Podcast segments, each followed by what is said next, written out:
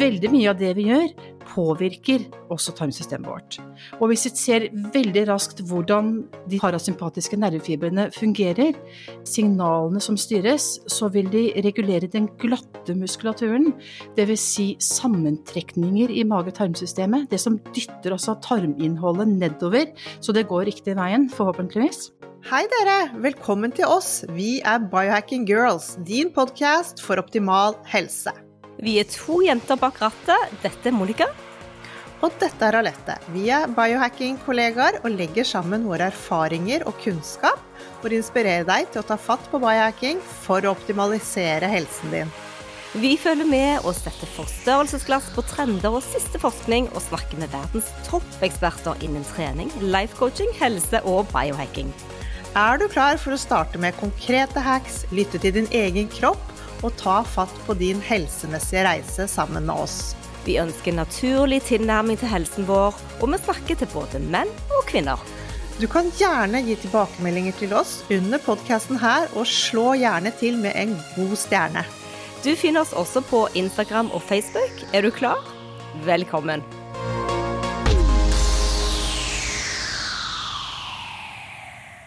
Vi har hatt mye fokus på dette med vagusnerven den siste tiden. Og vagusnerven det er hovednerven i den parasympatiske delen av det autonome nervesystemet vårt. Nettopp, så det var en god forklaring av dette. Og gå gjerne tilbake og hør andre episoder. Eh, vi hadde en som er spesifikt bare på vagus, med Anette.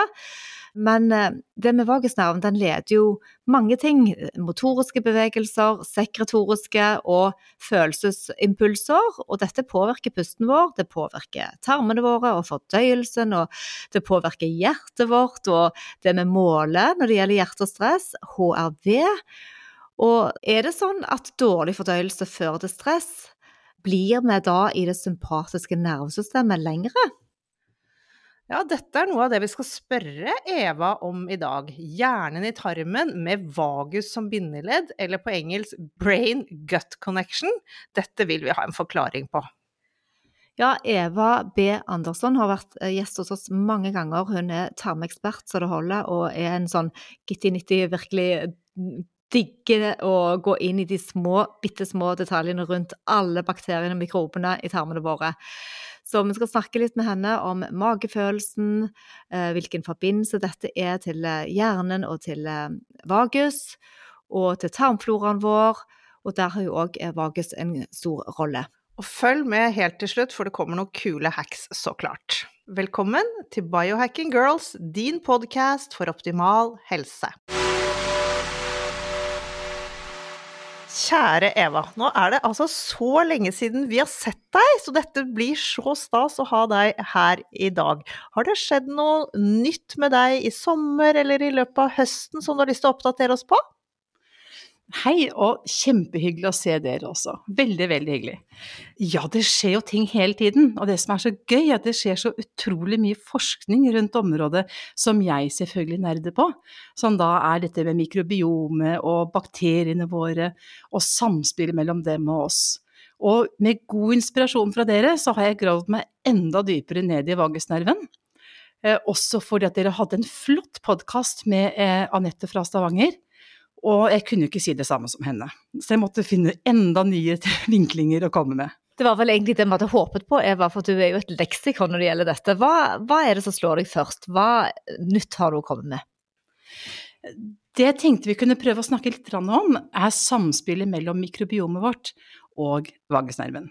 Og det som er litt gøy, mange har hørt om ja, Hvis du snakker med en nevrolog, så snakker han om brain gut axis. Hvis du snakker med en gastroenterolog, altså en spesialist på mage-tarm, så snakker han om uh, gut-brain axis, og ikke brain-gut axis. Ja, og hvis du snakker med en mikrobiolog, så snakker man om en microbiota gut-brain axis. Det er altså en treveiskommunikasjon mellom bakteriene våre, mikrobene våre, og tarmen og hjernen. Og nøkkelen her er at det aller meste av den kommunikasjonen går gjennom vagusnerven. Vi har, jeg vet jeg har snakket en del om vagusnerven, men for å ta litt grann kjedelig teori først, eh, for å oppdatere de som ikke kjenner til det, så er vagusnerven en hovednerve, en av de ti hjernenervene, tolv hjernenervene våre, kalles for den tiende hjernenerven, som går fra hjernen og nedover langs halsen, forgrener seg litt ut i øret, så går den ned til alle de indre organene våre. Lunger og lever og nyrer og milt og bukspyttkjertel og tynntarm og ca. en tredel av tykktarmen. 80% av signalene som går gjennom den nerven, går fra kroppen og til hjernen. Så kun 20% går fra hjernen til kroppen. Så det vil si at hovedjobben av signalene som går gjennom nerven, er hjernens måte å oppfatte hva er det som skjer i kroppen på. Vagusnerven er en parasympatisk nerve som forteller at den har med regulering av indre funksjoner å gjøre. Det sympatiske, det er det aktive, det er stresset vårt, det er fight and flight, det er den som redder oss når vi har en sinna bjørn rett bak oss. Da får det gjøre det ikke. Da kobles hele det parasympatiske ut, og alt blodet går opp til hjernen, pupillene utvider seg, musklene blir sterke, vi er helt frempå, tenker lynraskt. Og det skal vi da gjøre i de få minuttene den akutte situasjonen skjer. Og så skal vi da gå over i en parasympatisk, dvs. Si at kroppen tar tilbake de normale funksjonene når vi er ute av den akuttsituasjonen. Men det mye som skjer med oss nå, er at vi går i sympatisk modus omtrent hele tiden gjennom at vi stresser. Men la oss bare komme litt inn på sentralnervesystemet, som da er en autonomisk eh, prosess som skjer. Den er ikke viljestyrt, bortsett fra pusten, som kan være det til tider. Hvordan påvirker dette? Er dette bare prosesser som går av seg sjøl hele tiden? At vi håper jo at du skal si at vi kan påvirke mye. Og vi kan påvirke veldig, veldig mye. Heldigvis så skjer ting autonomisk. Man skal kanskje tenke at det er fint å kunne styrt fordøyelsen sjøl, men gud, tenk så kjedelig å måtte tenke på at å, nå må jeg dytte det ned der, ja, å nei, nå skal jeg jammen trekke sammen gallen min. Hadde vært fryktelig kjedelig. Men veldig mye av det vi gjør, påvirker også tarmsystemet vårt. Og hvis vi ser veldig raskt hvordan de parasympatiske nervefibrene fungerer, signalene som styres, så vil de regulere den glatte muskulaturen, dvs. Si sammentrekninger i mage-tarmsystemet, det som dytter altså tarminnholdet nedover, så det går riktig veien, forhåpentligvis. Den styrer sammentrekninger i galleblæren, som er veldig, veldig viktig. Den styrer mye av syreproduksjonen i magesekken, og den styrer utskillelsen av enzymer. Vil si parasympatikus er ekstremt viktig for hele nedbrytningen av mat og hele fordøyelsessystemet vårt. Men da kan man også se på det liksom andre veien, at hvis man har en da veldig god fordøyelse, betyr det at man da er i det parasympatiske nervesystemet, eller, eller blir det feil å se det den andre veien? Både ja og nei, for ingen av oss er bare det ene eller det andre. Vi veksler hele tiden. Og dere har jo snakket veldig mye om HRV, som er en måte å måle hvordan vi klarer å bevege oss mellom det sympatiske og parasympatiske nervesystemet. Så vi er sjelden på det ene eller andre. Men dessverre, sånn som vi er nå, så går veldig mange av oss gjennom dagen i hovedsakelig sympatisk modus. Og det har veldig mye å si for hvordan tarmsystemet fungerer, eller kanskje ikke fungerer, er mer riktig å si. Så har vi jo også dette her med mange tenker på f.eks. SIBO og SIFO, som står for Small Intestinal Bacterial Overgrowth, eller Small Intestinal Fungal Overgrowth, som er at vi har for mange mikrober langt opp i tynntarmen er også noe som kan styres mye fra den, den vagusnerven vår. For hvis ikke vi klarer å dytte tarminnholdet med bakterier og alt sånt nedover i systemet, så blir det liggende på feil sted og gjære og lage et skikkelig kjipt miljø. Og hvis vi i tillegg ikke har nok syreproduksjon eller nok galleproduksjon eller nok enzymproduksjon, så lager vi et miljø hvor feil bakterier kan være på, for, på feil sted, rett og slett. Så tilbake igjen der, så er det viktig at vi regulerer. Men starter dette her med at vi spiser dårlig, at vi ikke har faste måltider lenger, at vi spiser i bil, spiser foran skjerm, at vi er helt ukonsentrerte i forhold til vi, hva vi inntar og hvordan vi spiser. Starter det her? Mye kan starte der. Det er mange steder vi kan starte med å få skader på, eller få problemer med en såkalt vagustonus. Eh, stress er veldig mye til stede. Kosthold, hva vi spiser, hvordan vi spiser, tygger vi maten, smaker vi i det hele tatt maten? Er vi til stede? Men også ting som gamle hodeskader, for eksempel. Det kan også lage et problem som kan påvirke vagusnerven vår eller tidlig start av neuro, såkalt neurodegenerative sykdommer, som for eksempel eh, Parkinsons. Det kan man se starter i mage-tarmsystemet kanskje 10-20 år før symptomene begynner å dukke opp. Interessant, for eh, foreløpig er det mye hjerneforskning som kan fange opp disse signalene når du gjør en, en brain scan og sånn, men det kan du òg se på tarmbakteriene i forhold til Alzheimer. Ja, det kan man faktisk. Og det man har sett, er at de ved obduksjoner finner at det kan være bakterier i hjernen, altså tarmbakterier i hjernen vår. Og der går diskusjonen. Har vi et eget mikrobiom i hjernen? Det vet vi ikke. Det er diskusjon rundt. Noen tenker at det, ja, men det har vi helt sikkert. Andre tenker men hvorfor skulle vi ha det, er det hensiktsmessig å ha bakterier i hjernen, for der fungerer signalene med elektriske signaler og ikke nødvendigvis gjennom metabolitter som bakterier kan lage. Men der ligger det mye forskning foran oss, det vet vi ikke ennå. Bare tilbake til de bakteriene i tynntarmen da, som blir liggende der og gjære og lage et eh, utrivelig miljø. Hvordan responderer vagus på det? Det sender jo signaler feil vei. Det som er interessant er at bakteriene våre, det var det vi skulle snakke litt om i dag da, sorry, rota meg litt bort. Eh, bakteriene våre de kommuniserer med hjernen gjennom vagusnerven. I og med at 80% av signalene som går gjennom vagus er såkalt affarente, dvs. Si at de sender signaler fra kroppen til hjernen, så vil det sende forskjellige signaler avhengig av hvor signalene gis. Så en bakterie som sender ett signal fra tynntarmen, kan oppfattes helt annerledes for hjernen enn om samme bakterien sender et signal fra tykktarmen. Det vil si, der kan kroppen, eller hjernen, gjennom vagusnerven forstå hvor bakteriene er, og så forsøke å sette tiltak til tilbake igjen for å få ting på riktig sted. Det er gøy. Og de kommuniserer disse bakteriene kommuniserer gjennom metabolittene sine, altså de produktene som de lager. Én ting er at de kan tas opp gjennom tarmslimhinnen og ut i blodet og kommunisere med kroppen via blodet, og med hjernen den veien.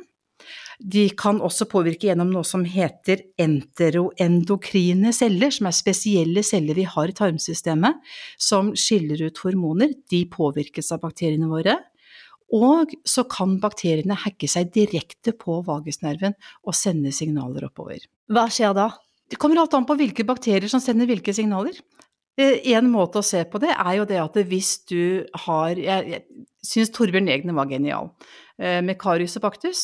Hvis du har spist loff med sirup på gjennom mange år og bestemt deg for å slutte med loff med sirup på, så vil alle med loff med sirup på bakteriene si feed me. vi vil ha loff med sirup på. Da sender de signaler som gjør at du faktisk får lyst på loff med sirup på. Eh, de første par ukene. Hold deg fast, det går over. Ting blir bedre.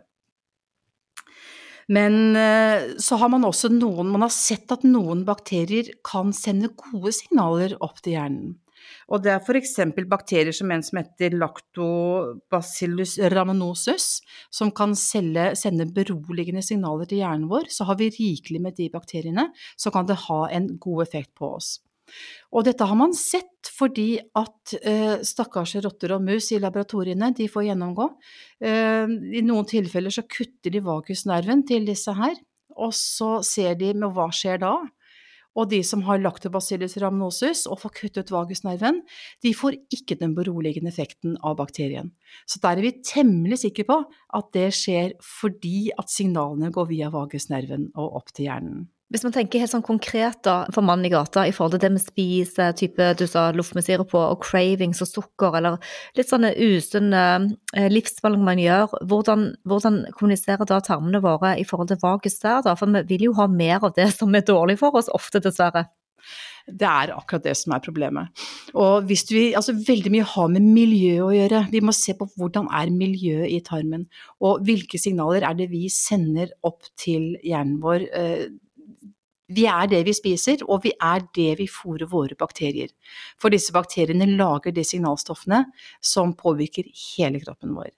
Og har vi et veldig dårlig kosthold, har vi mye prosessert mat f.eks., så brytes det mye tidligere ned, det er ferdig fordøyd allerede. Uh, absorberes i tynntarmen, fôrer kun bakterier i tynntarmen. Lite kommer ned til tykktarmen, og da får vi hovedsakelig signaler som kommer fra tynntarmen og opp til hjernen. Vi vil ha mer i tykktarmen. Vi må ha mer fiber som kan dyttes nedover og fordøyes i tykktarmen, så de signalene kommer opp. Men kan du se noen fysiske konsekvenser når signalene kommer fra tynntarmen? Altså, hvordan påvirker det oss menneskelig da i livene våre? Altså, ja, det man ser hvis du har for mye i tynntarmen, så stopper ting litt opp. Det kan være mye gassproduksjon, og det kan være uvelhet, det kan være kvalme, dårlig fordøyelse, mye slitenhet.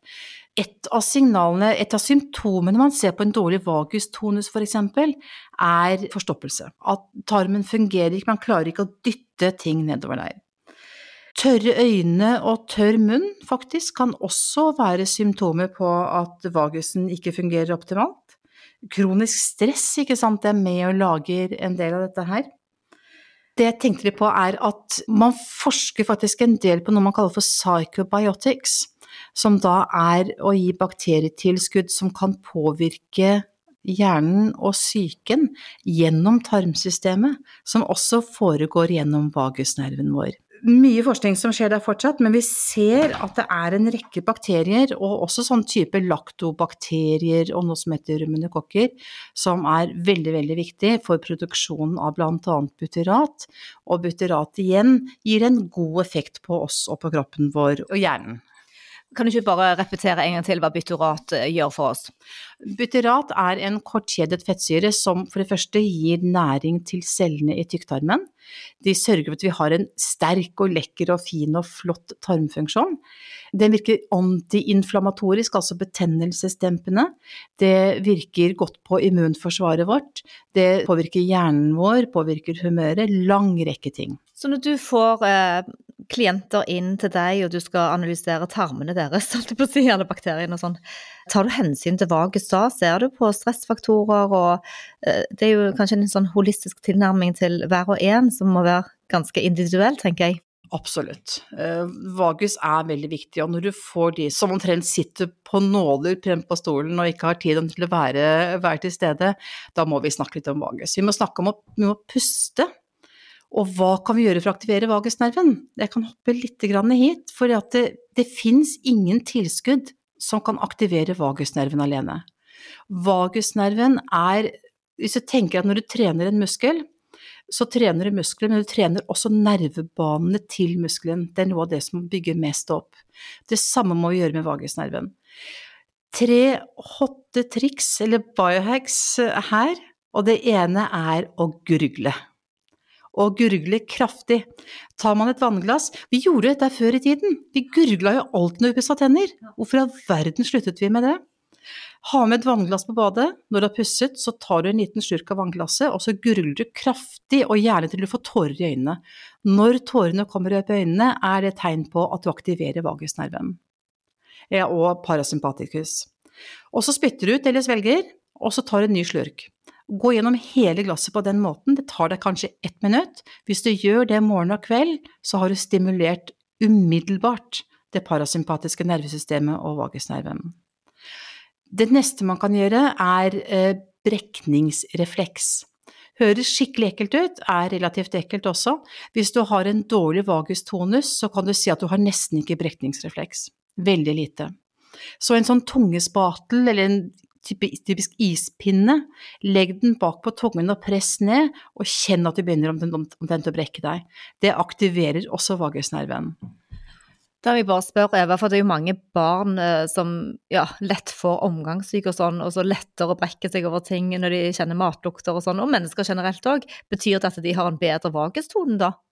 Mest sannsynlig. Mest sannsynlig så gjør det det, for det, litt, det er en måte man kan teste det ut på. Er altså å se hvordan brekningsrefleksen er.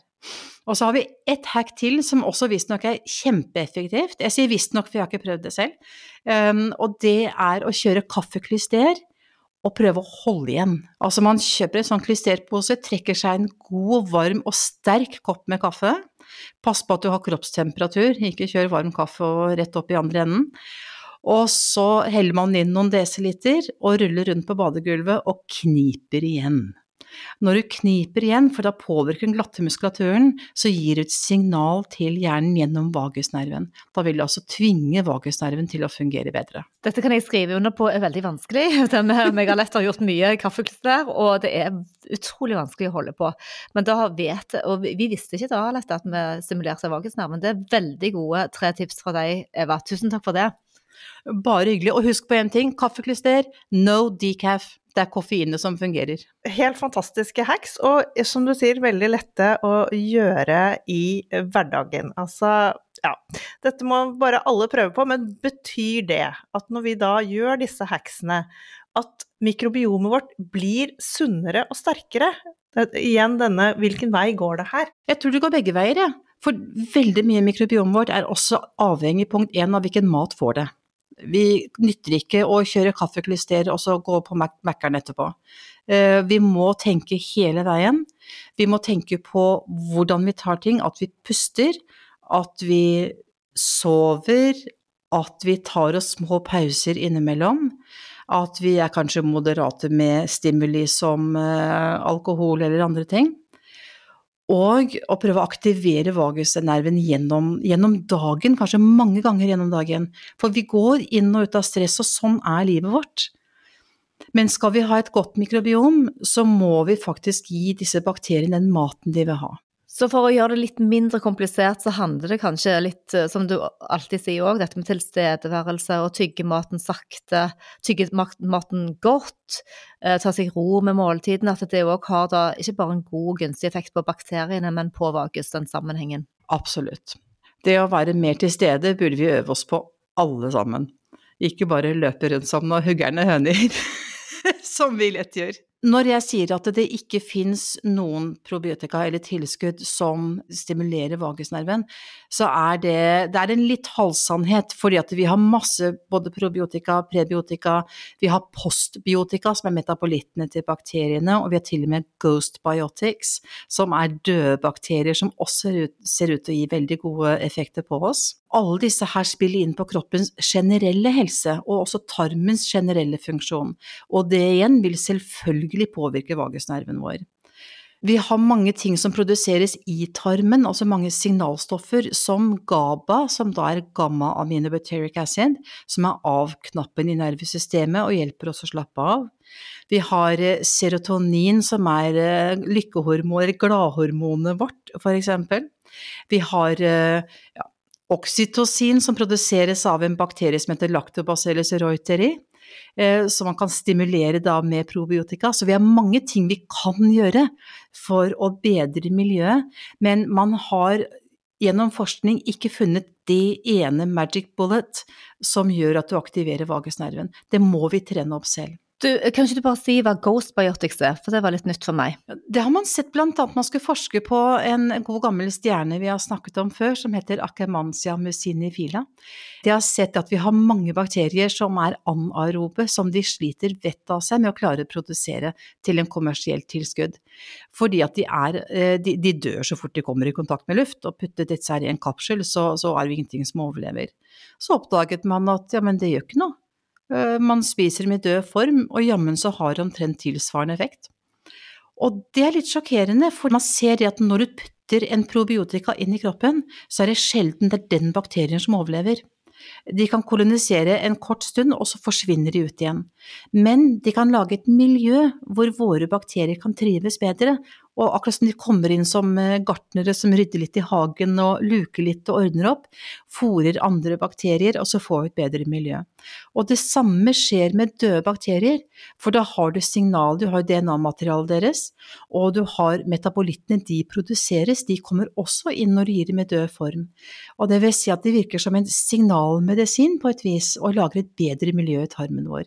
Veldig, veldig spennende forskning, for da slipper vi disse problemene med om bakteriene oppfører seg som gjøkunger og dytter ut våre egne bakterier. Det er ikke noen levende bakterier, men det er altså informasjon til våre bakterier om at de kan komme seg bedre opp. Det var veldig eh, oppklarende og fint. Du har eh, fremdeles eh, tester du gjør hjemme. Er det noe nytt på der helt på slutten her nå? Ja, vi driver fortsatt med mikrobiomtester. Kjempespennende. Og andre tester som vi gjør på kontoret også. Jeg jobber litt sammen med en som tar hormontester, så vi jobber litt med å forsøke å se sammenhengen mellom mikrobiomet og hormonene våre. Det skal bli veldig interessant å komme nærmere inn på en ved en annen anledning. Ser, lukter også på forskjellige typer mikrobiomtester, for det er flere på markedet, og jeg tror ikke at det finnes ett firma som har funnet alle svarene, så vi prøver å se etter forskjellige løsninger. Så det skjer masse spennende. Tusen hjertelig takk, Eva. Tusen takk for at du kom. Tusen takk for meg, kjempegøy å være her igjen. Dette med gurgling, Alette, jeg får jo selvfølgelig assosiasjoner til der jeg står på badet som liten pike. Hva med deg? Du, jeg, jeg også. Vi måtte gurgle. Jeg syntes det var så ekkelt. Og var, jeg trodde jo det var for at vi skulle skylle ut denne tannpastaen, men kanskje det var vagus vi drev med? Ja, det tror jeg faktisk det var. Kanskje de visste mer enn det vi ante da vi var små, men det var iallfall en god uh, reminder. Vi hadde tre, uh, Eva delte tre gode sånne hacks på hvordan man kan stimulere vagus, og den ene var gurgling, og den neste? Du, det var den derre gagge-refleksen. Uh, og da tenkte jeg, når var sist gang jeg hadde den? Og det, det var lenge siden, tenkte jeg å gud, nå er jeg dårlig vagusforbindelse. og så som du sa, dette med at barn de spyr jo støtt og stadig, så de, de er nok litt bedre på den vagusstimuleringen. Ja, det kan jo hende at ikke de helt er preget av alt stresset enda, men uh, ok, det er ikke så e, behagelig å tenke på at jeg skal stikke fingeren i halsen, uh, bare for å stimulere den. Men uh, det siste var jo da kaffekluster. Og det var noe søl, må jeg si. Men uh, ja, har jo, jeg har jo det bøtter og slanger og alt mulig oppe i et skap på badet. Men jeg syns det er litt mye hassle. Men gjør det litt innimellom. Men det er ganske vanskelig å holde på den som sto i det. Det er rett og slett helt umulig, og som du sier, mye hassle. Jeg tror ikke det blir det vagushacket jeg kommer til å bruke mest tid på. Og så sier Eva òg at det er ikke egentlig noen eh, helt sånn rendyrkede supplementer som kan eh, stimulere vagusnerven, men at man indirekte kan ta noen tilskudd eh, som da går på alle de andre prosessene for å roe oss ned. Dette med tarmmikrobiotene er jo det mest tallrike og, ja, i menneskekroppen vår. Og vagusnerven er da så stor og utbredt og kompleks eh, i kroppen i tillegg, og begge de to er veldig veldig viktige for at kroppen skal komme i denne balansen homostase. Og Det viktigste fenomenet er jo hvordan eh, de koordinerer seg da for å regulere kroppens funksjoner. Hvordan vi skal klare å få alt til å stemme overens, så det skal liksom danne seg godt sammen. Så, så, det var veldig fint å høre Eva gi litt mer kunnskap til oss om eh, forbindelsen med hjerne og tarm og vagus. Mm. Og så var det veldig gøy å høre at hun sa at her er det mye, mye forskning på gang, for her er det fortsatt lite vi vet. Tenk hvis man har en liten eh, mikrobiota-verden oppi hjernen vår òg, Alette. Ja, tenk på det. Det skal ikke forundre meg. Takk for at dere har lyttet, og håper dere har en nydelig uke. Vi legger shownotes under og link til Eva hvis dere vil ta kontakt med henne. Happy biohacking!